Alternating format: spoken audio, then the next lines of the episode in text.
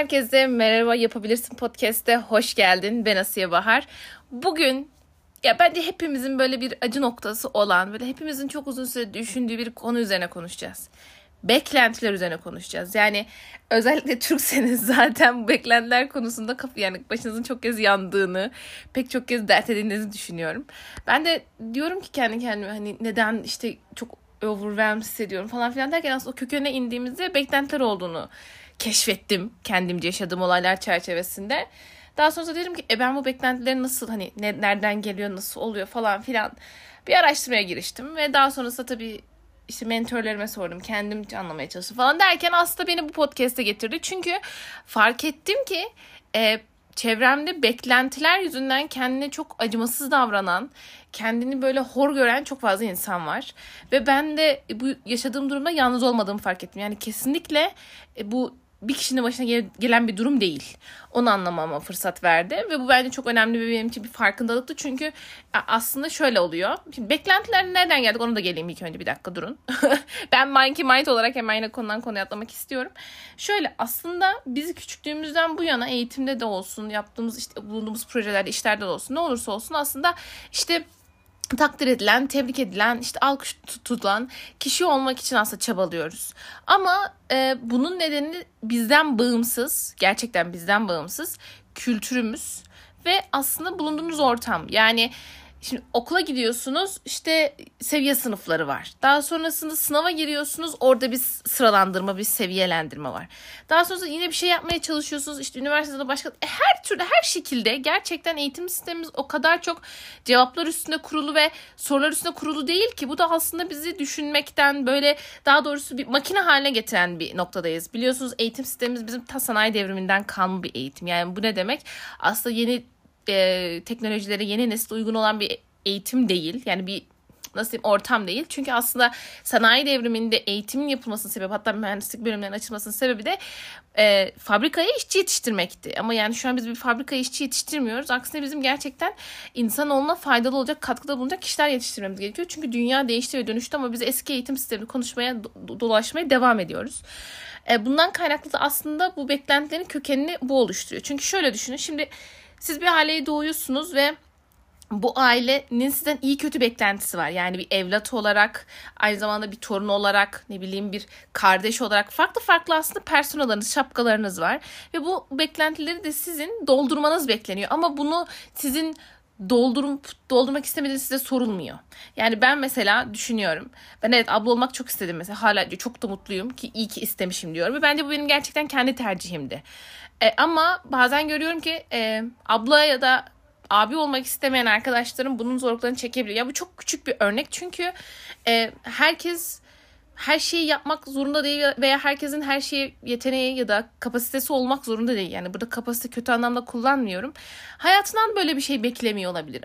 Ya da o sorumluluğu almak istemiyor olabilir ki bu çok doğal olması gerekiyor normalde ama aslında biraz önce bahsettiğim eğitim ve toplumun kültürlerinden, geleneklerinden kaynaklı aslında beklentilerimiz yani beklentilerimizden kastım başkalarının bizden beklentisi oluşuyor.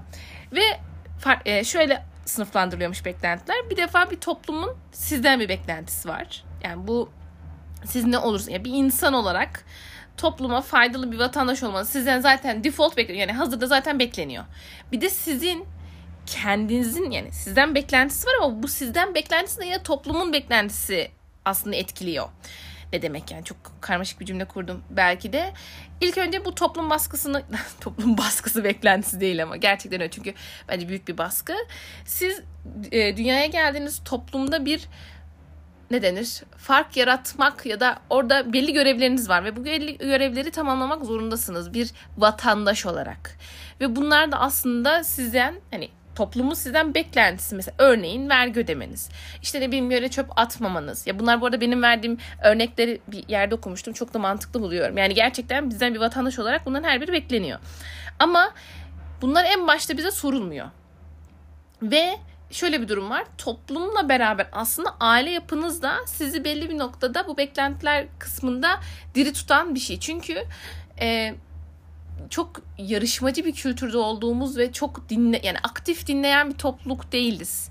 Gerçekten yani Türkler ben bunu çok net söyleyebilirim aktif dinleyen bir toplum değil. Ve bu yüzden de aslında sadece kişi kendi derdini anlatıp kendi beklentisini anlatıp daha sonrasında hızlıca kaçabilir. Gerçekten böyle ilerliyor bu arada bu süreçler bence. Çünkü e, yani birkaç böyle yabancı arkadaşımla falan konuştuğumu fark ediyorum ki aileleri o kadar onları dinlemeye ve onların istekleri doğrultusunda yollarını şekillendirmesi izin veriyor ki ben böyle şaşkınlıkla kalıyorum. Çok şükür hani benim böyle bir problemim oldu mu? Aslında oldu. Birazcık bahsedeceğim az sonra. E, demem o ki yani aslında toplumun beklentisiyle beraber ailenin beklentisi sizden belli bir noktada var. Ve siz bu beklentiyi isteseniz istemeseniz de oluşturuyorsunuz. E, ben çok minik kendimden örnek vereyim. E, ben normalde 8 yaşından beri satranç sporcusuyum ve çok uzun yıllarda handball oynadım aslında. Çok çok uzun yıllar oynadım yani. Ve ben hep kendim böyle sporcu olacağım diye düşünüyordum. Gerçekten öyle çünkü yani spor yapmak benim için gerçekten çok mutluluk verici bir kaynaktı. O yarışı da seviyordum. O kinetik enerji yapmayı da seviyordum. Aynı şekilde o aslında ekibin bir parçası olmayı çok seviyordum. Çünkü ekip çalışmasını çok seviyormuşum. Şimdi şimdi de fark ediyorum bu arada. Neyse e, ve ben o kadar çok böyle nasıl diyeyim proje çocuk gibi büyümüşüm ki çünkü ailenin işte ilk torunu, ilk çocuğu falan filan. Ben böyle sürekli bir kurstan bir kursa, bir kurstan bir kursa işte handbolu, satrancı, matematik kursu bilmem nesi bir anda gerçekten ailenin e, yapamadıkları şeyleri benim yapma, yapmaya başlamam demek oluyordu. Yani şöyle düşün her hafta sonu ben eve bir belge getirmek zorundayım ya da bir madalya. Yani ve bunu ben seçmedim o küçük yaşta.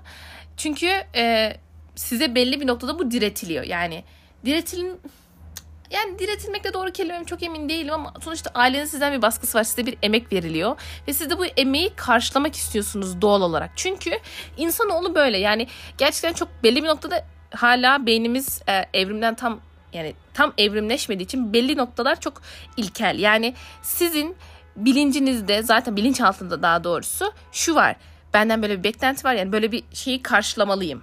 Bu sizin hayatta kalmanız için, survive etmeniz için gereken bir şeymiş gibi aslında beyniniz içinde duruyor ama aslında böyle bir durum yok. Sadece gerçekten bizim beynimizin ilkel olan kısmından kaynaklı yaşadığımız bir problem. Neyse bu e, her hafta sonu eve bir belge, bir madalya getirme durumundan kaynaklı. Aslında ben belli bir noktada bir şey oldum. E, nasıl diyeyim? Sürekli böyle koşturma ve e, yarışma içerisinde oldum. Bundan kaynaklı da benim şu an şu an fark ediyorum tabii ki bunları. Böyle bir e, yarışma şeyim var.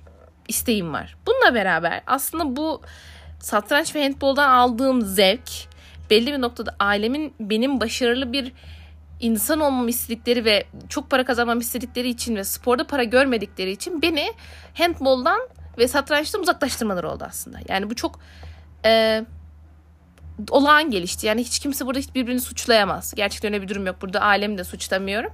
Sadece orada böyle çok küçük bir nüans var ve şöyle oldu. Hani ben zaten satranç oynuyordum.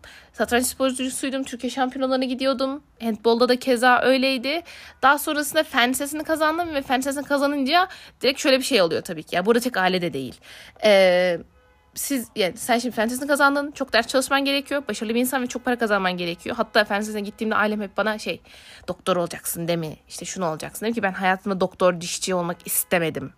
İstemedim yani kendimi böyle konumlandırmadım hiçbir zaman.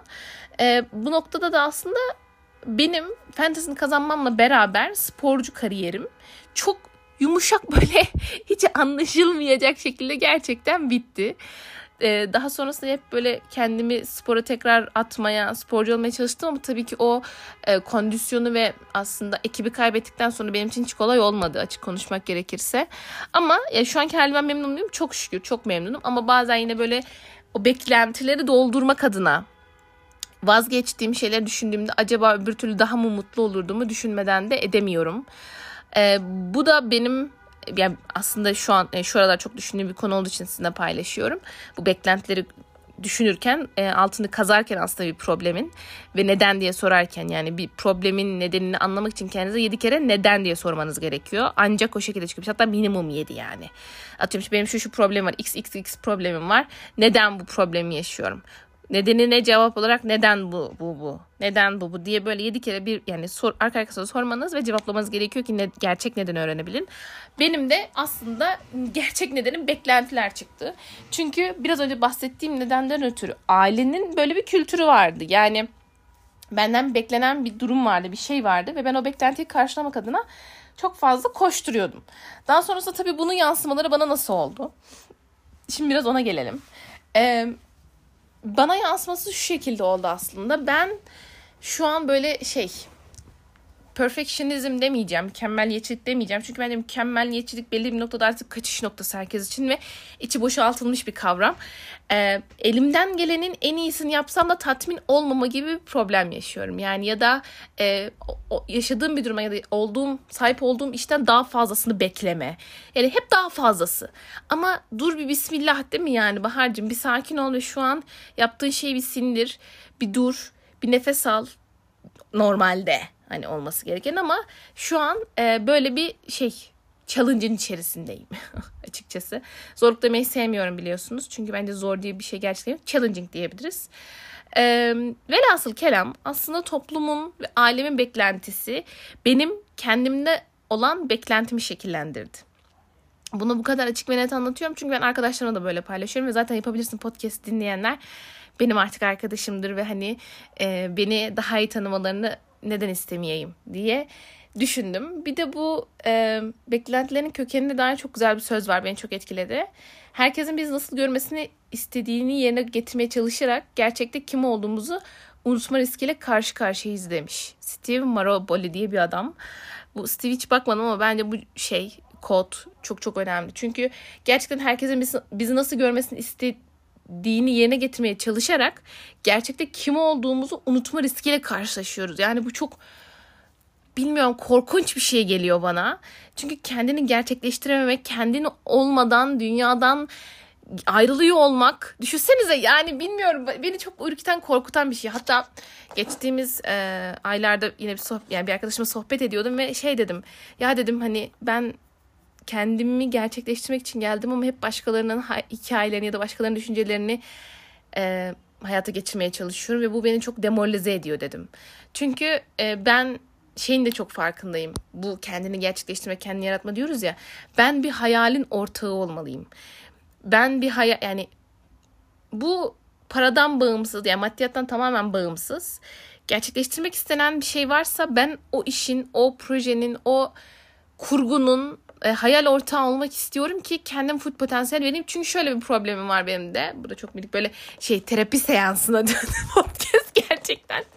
Neyse.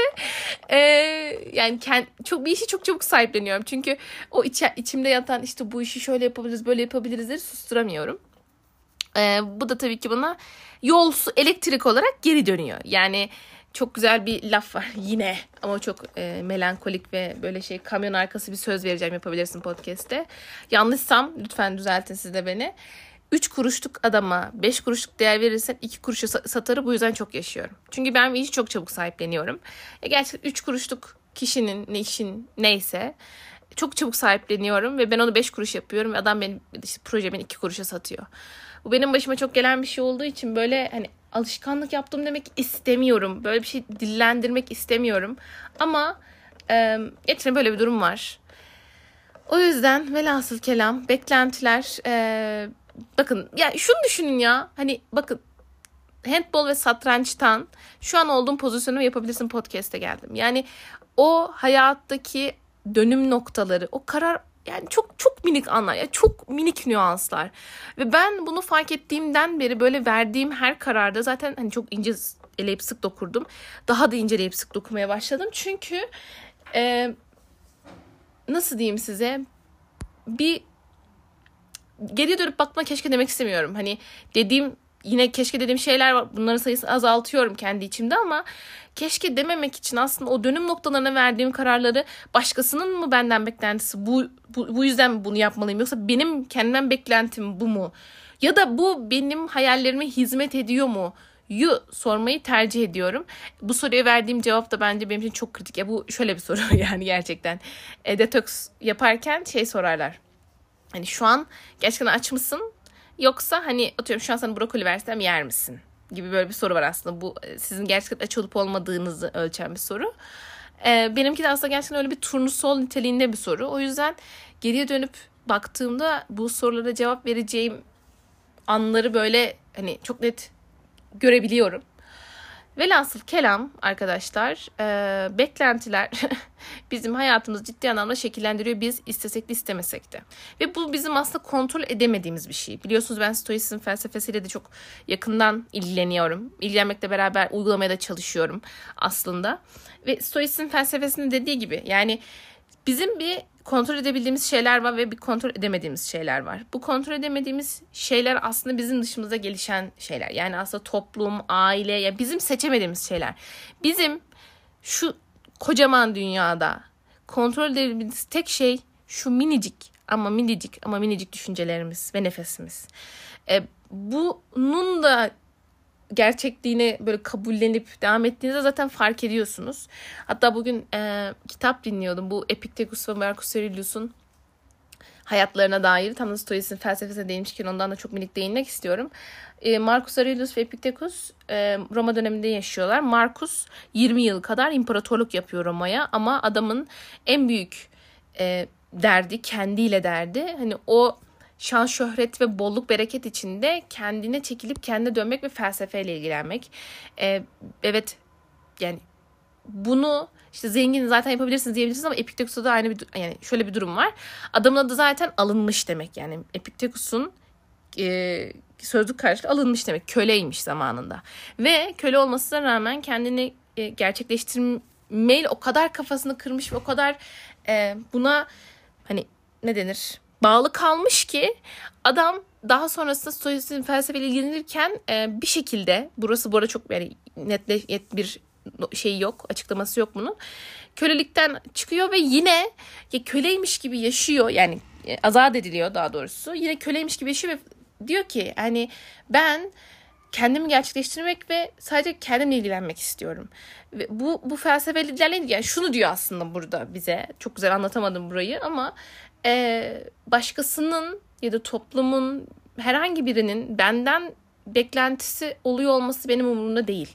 Epiktetus hayatı boyunca evlenmemiş. Hatta yaşlılığın son dönemlerinde e, arkadaşının bir çocuğunu evlat edinmiş. Hatta kayıtlarda da şey diye geçiyormuş. E, diyor ki yani kayıtlar şöyle diyor. Hani çocuğu sahiplendi ama işte evli olup olmadığı bir kadınla da o çocuğu büyüttü. Yani adam kendisine ve hani kendisiyle olan derdine o kadar bağlı kalmış ki aslında hayatını kendini gerçekleştirmek üzerine adamış.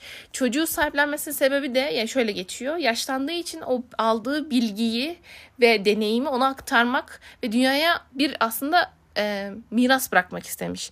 Çünkü şey diye düşünüyor bence birazcık narsist bir noktada burası ama e, benim düşüncelerimin dünyada daha uzun süre kalması gerekiyor diye düşünüyor yani vefat ettikten sonra da.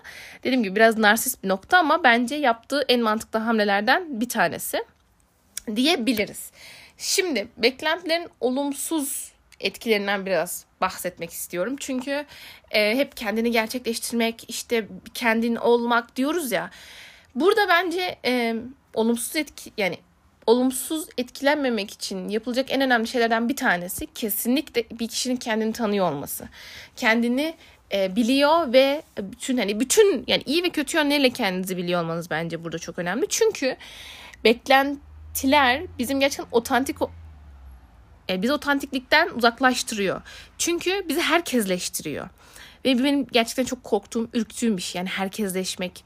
Ee, tabii ki belli bir noktada hani toplumun içinde olduğunuz için bundan çok etkilenebilirsiniz ama kendin olmak yani otentik olmak, kendini ifade yani net ve doğru bir şekilde ifade edebiliyor olmak bence çok önemli ve beklentileri gerçekleştireyim derken kendini unutabilir ve otantikliğinden, otantikliğinden uzaklaşabilirsin. Ve ben bunu hiç istemem. O yüzden bunu dinliyorsan eğer zaten e, lütfen bu şu an bir, bir an durup düşünüp gerçekten ben şu an kendim oluyor muyum yoksa beklentilerimi karşılıyorum diye kendine bir sormanı rica ediyorum. Tabii ki her zaman her şey bizim istediğimiz gibi gitmek zorunda değil veya kendimizi gerçekleştireceğiz diye işte işinden ayrıl bunu yap şunu yap demiyorum. Yani bu tamamen sana kalmış bir şey. Hayatını devam ettirmek zorundasın.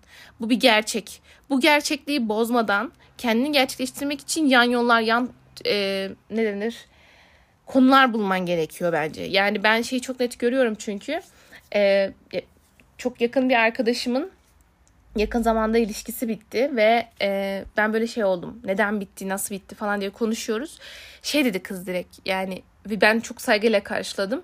Ya Bahar dedi hani o kadar e, beni etkileyen bir taraftaydı ki ben kendimi unuttuğumu fark ettim ve kendimi gerçekleştiremiyordum. Yani onun hayalleri için çalışıyormuşum gibi hissediyordu. Ve bunu fark edip anlaması gerçekten çok uzun süresini almış. Ve dedi ki hani çok net açık bir şekilde hani ona sevgim ve saygım gerçekten sonsuz ama benim de gerçekleştirmem, yapma, yaşamam gereken bir hayatım var. Bu yüzden ondan müsaade istedim dedi. Bence bilmiyorum çok büyük bir farkındalık diye düşünüyorum. Ben çok saygı duyuyorum ve bunu duyduğumda çok e, şey oldum. Böyle tüylerim diken diken oldu. Hani bunun farkına verebiliyor olmak bence çok büyük bir erdem. Neyse kahvemden bir yudum alayım. Hmm. İkinci aslında ben burada bahsetmek istediğim beklentilerin olumsuz etkisi ise sürekli bir tatminsizlik ve yetersizlik hissi. Benim biraz önce yani bundan 10 dakika önce bahsettiğim hikayede yaşanan aslında bu. Yani bir yetersizlik ve tatminsizlik hissi. Ne yaparsanız yapın tatmin hissetmiyorsunuz. Çünkü siz bir şey yapıyorsunuz başkası sizden daha fazlasını bekliyor. Daha fazlası, daha fazlasını, daha fazlasını. E, bu daha fazlası nereye kadar? Çünkü ben şeyi çok net görüyorum ve duyuyorum. Ee, siz bir şey yaptığınızda e, insanoğlu çok garip bir noktada bence. Çünkü siz iyilik yaparsınız, yapar, iyi bir şey yaparsınız hiç fark etmez. Hiçbir zaman o göze çarpmaz veya takdir tebrik edilmezsiniz. Ve bu da aslında sizi tatminsize ve tersize götürür. Ama çok küçük bir noktada gerçekten bir kötülük yapın veya kötü bir noktada bulunun. Hemen herkes ah Bahar sen ne kadar kötüsün işte sen şunu da yapamıştın zaten diye bir anda eteklerindeki taşlar dökmeye başlar. Ve bu da aslında sizin tatminsizlik ve yetersizlik hissinizin ateşini iyice körler. Bu noktada zaten şunu da fark etmek gerekiyor. Yani başkalarının düşünceleri sizin düşünceleriniz değil ve sizin siz onları kontrol edemezsiniz. Onların yanlışı doğrusu kendilerine göre doğru yanlış. Onların baktığı noktadan siz bakamazsınız. Bu yüzden beklenti yani onların beklentilerini karşılamak ne kadar mümkün olur ya da onların beklentilerini gerçekten başta karşılamalı mıyız? Yani bence buradan da bakmak lazım. Çünkü e, ben yani şöyle söyleyeyim. Sırf bu beklentiler yüzünden askeri sınava girmiş, ilk yıl kara harp sonra hava harp kazanmış biri olarak söylüyorum. Hiçbirine değmiyor. Yani sadece kendinizi hırpalamış, yormuş ve sıkmış oluyorsunuz. Bu kadar da netim ben bu konuda. Çünkü görüyorum yani başkalarının beklentilerinin e, karşılanması noktasında o kadar acele ve telaş içindeyiz ki gerçekten kendimizi unutup gerçekten ne istediğimizi unutuyoruz. Bakın bu noktada ben şey de demiyorum. Hani başkalarının beklentileri sizin beklentileriniz paralelse dönüp bir de kendinize şunu sorun ama. Ya gerçekten ben bundan etkilendim mi? Yani bu beklentilerden yoksa gerçekten benim hayattan beklentim, kendimden beklentim bu mu? diye ben nacizane sormanızı kendinize tavsiye ederim. Daha sonra tabii ki beklentilerin olumsuz etkilerinden biri de psikolojik baskı ve stres. Bu baskı yani zaten stres hani hayatımızda gelmiş göbeğine oturmuş durumda. Bunu nasıl hani nötrleyebiliriz? Yani çok tabii ki bunun pratikleri var, şeyleri var ama bu artık e, böyle görmezden gelinebilecek bir noktada değil. Çünkü hani görüyoruz ve duyuyoruz ki hani stres cidden vücudun yani zaten şey diyorlar yani bütün e, ne denir bilim insanları geleceğin bütün hastalıkları stresten kaynaklı olacak ve yeme içme bozukluklarının ama ana kaynak aslında stres. Çünkü stres yeme ve içme bozukluğu yapıyor gibi. O yüzden e, ben burada biraz duygusallaşacağım ya da duygusallaşayım emin olamadım. E, bu stres noktasında ben şeyi çok net görüyorum. Yani vücudunuzun nasıl reaksiyon verdiğini çok net görebiliyorsunuz. E, ve streslendiğiniz an ve daha sonrasında gelecek olan işler, çalışmalar, olaylar neyse e, algılayabileceğinizden daha hassas oluyorsunuz. Bunda farkına varmak ve ona göre hareket etmek, etmek gerekiyor. Bunlar zaten böyle bir şeydi. içimden aktı şu an. Hani bu beklentilerle alakası olan bir şey değil bence ama böyle içimden aktı. Bunu söylemek istedim yani. Ve yine bizim biraz önce verdiğim o koddaki abimizin söylediği sözlerin birini eklemek istiyorum buna. Başkalarının beklentilerini karşılamak için yaşamak asla gerçekten yaşamamak demektir. Yani bence çok iyi laf çok iyi laf. Yani başkalarının beklentilerini karşılamak için yaşamak asla gerçekten yaşamamak demektir. Bu arada bu söz benim e, şeyimde vizyon boardumda yer alıyor. Ben çok seviyorum e, bu sözü. E, ve hani bana böyle bir hatırlatma olsun istiyorum. O yüzden de aslında koyuyorum. Hani siz de eğer böyle hani bana hatırlatma olsun işte kendimi yeniden hatırlamak istiyorum derseniz bence vizyon boardunuza vizyon boardunuzu ne bileyim işte bilgisayarınız ana ekranı yapabilirsiniz. Telefonunuzu ana ekranı yapabilirsiniz. Ne yapabilirsiniz? O tamamen size kalmış. E, yapın ve size böyle minik bir reminder olsun, bir hatırlatıcı olsun derim. Şimdi nereye geliyoruz? Ee, aslında bir de Steve Jobs'ın sözünü eklemek istiyorum buna. Daha sonrasında bir yere geçeceğim. Kendi sesinizi dinleyin ve başkalarının ne düşündüğü konusunda endişelenmeyin. En iyi bilen sizsiniz. Steve Jobs demiş bunu. Abimiz yine döktürmüş. Yani e, Jobs abimiz. Çünkü bu da yine kendi yani düşünün Steve Jobs başkaları dinleseydi şu an biz olduğumuz noktada değil yani teknoloji olur muyduk? Ben bunu çok merak ediyorum çünkü bu sözü ilk duyduğumda da bunu düşündüm. Yani adam direkt diyor ki hani kendini dinleyin. Tabii ki bu arada bu narsist bir yerden yaklaşmıyor. Bunu buradan almayalım. Çünkü e, baş, herkes size nasıl olmazı çok net anlatabilir. Bak herkes fixed mindset'e sahip herkes size bunun nasıl olmayacağını, yapacağınız işin nasıl olmayacağını size anlatabilir. Ama eğer gerçekten siz o işe güveniyorsanız ve growth mindset'li insanlarla paylaştığınızda ya neden olmasın? Bir dene. Neden olmasın gibi sorularla karşılaştığınızda bence e, sizi nasıl diyeyim driven eden o içeride sizi sürükleyen süren şeylerden birine hizmet etmiş oluyorsunuz. O yüzden e, demem o ki şey yapın. Kendinize do- soru sorabileceğiniz partnerler, arkadaşlıklar edinin. Beklentilerden sıyrılma yollarına yavaş yavaş geçmek istiyorum. Çünkü e, artık yani podcast'in sonuna yaklaşırken e, çözüm verelim istiyorum. Ne yapacağız peki? Bu kadar gömlük beklentileri, toplumu, aileyi, kendimize olan baskıyı, overwhelmed hissetmemizi, stresleri falan filan. Şimdi peki bundan nasıl sıyrılabiliriz? Şimdi aslında bunun birkaç yani belli metodları var. Ama e, en büyük kelime bu beklentiler karşı, karşısında benim karşılaştığım resilience yani dayanıklılık ama Dayanıklılık aslında Türkçe'ye şöyle yanlış çevriliyor. Biz bunu çok da tartışmıştık arkadaşlarımla. Resilience aslında şu demek. Siz bir e, düşersiniz ama çok kısa sürede yine toparlayabilirsiniz. Yani bunu böyle gözünüzde canlandırmanızı istiyorum. Yani siz bir darbe yiyorsunuz ve bu darbe sizi böyle yere düşürüyor. Bu düştükten kısa bir süre sonra ayağa kalkabiliyorsunuz. Yoksa hiç darbe almamak, hiç ağlamamak, hiç üzülmemek demek değil resilience dayanıklılık. Aksine aldığınız darbeler doğrultusunda e, ne kadar hızlı kendinizi recover edebildiğiniz, ne kadar hızlı toparlayabildiğiniz. E, ve bu beklentilerden sıyrılmada da resilience çok önemli bir rol oynuyor. Çünkü sizin yaptığınız şey başkalarının sizden beklentisine uymadığı zaman sizin kendi hayallerinize böyle bağlı kalıp sadık kalıp onlara kendinizi böyle hani isterseniz tabii ki bu arada anlatmanız gerekiyor. Ya da derdinizi paylaşmanız gerekiyor. E, bu noktada dediğim gibi resilience önemli bir kavram. Aynı zamanda beklentilerden sıyrılma yollarından bir tanesi kendi değerlerinizi ve önceliklerinizi belirlemeniz. Sizin e, değerleriniz ve öncelikleriniz sizin için çok kıymetli olmalı ve bunlara bağlı kalmalısınız. Yani mesela benim için özgürlük inanılmaz önemli bir kavram. Yani ben kısıtlandığım hiçbir ortamda kolay kolay bulunamıyorum. Ya da e, bu ama ya, özgürlük gerçekten benim hayatım böyle göbeğinde oturan bir kavram. Aynı zamanda e, kendimi geliştiremeyeceğim ya da geliştirmekten kastım da şu tek ben alayım başka vermeyeyim değil. Alma verme dengesini kuramadığım hiçbir ortamda bulunamıyorum. Bakın mesela bunlar benim değerlerim. Ve ben böyle ortamlarla yani böyle ortamlarda kalıp bunlarla karşılaşmadığım zaman buradan uzaklaşabilen bir tipim. Tabii ki bu çok uzun süre yani çok uzun süren bir süreç oldu bu noktada yani bu süreçte kendimi çok yıprattım onun da farkındayım ama ne olursa olsun zaten hayat bence bir deneyim. E, bu deneyimlere bizim verdiğimiz duygular aslında onu deneyim yapan. Ben bunlara şu an geri dönüp baktığımda çok güzel deneyimler olarak bakıyorum. Çünkü şu an beni ben yapan şeyler oldu.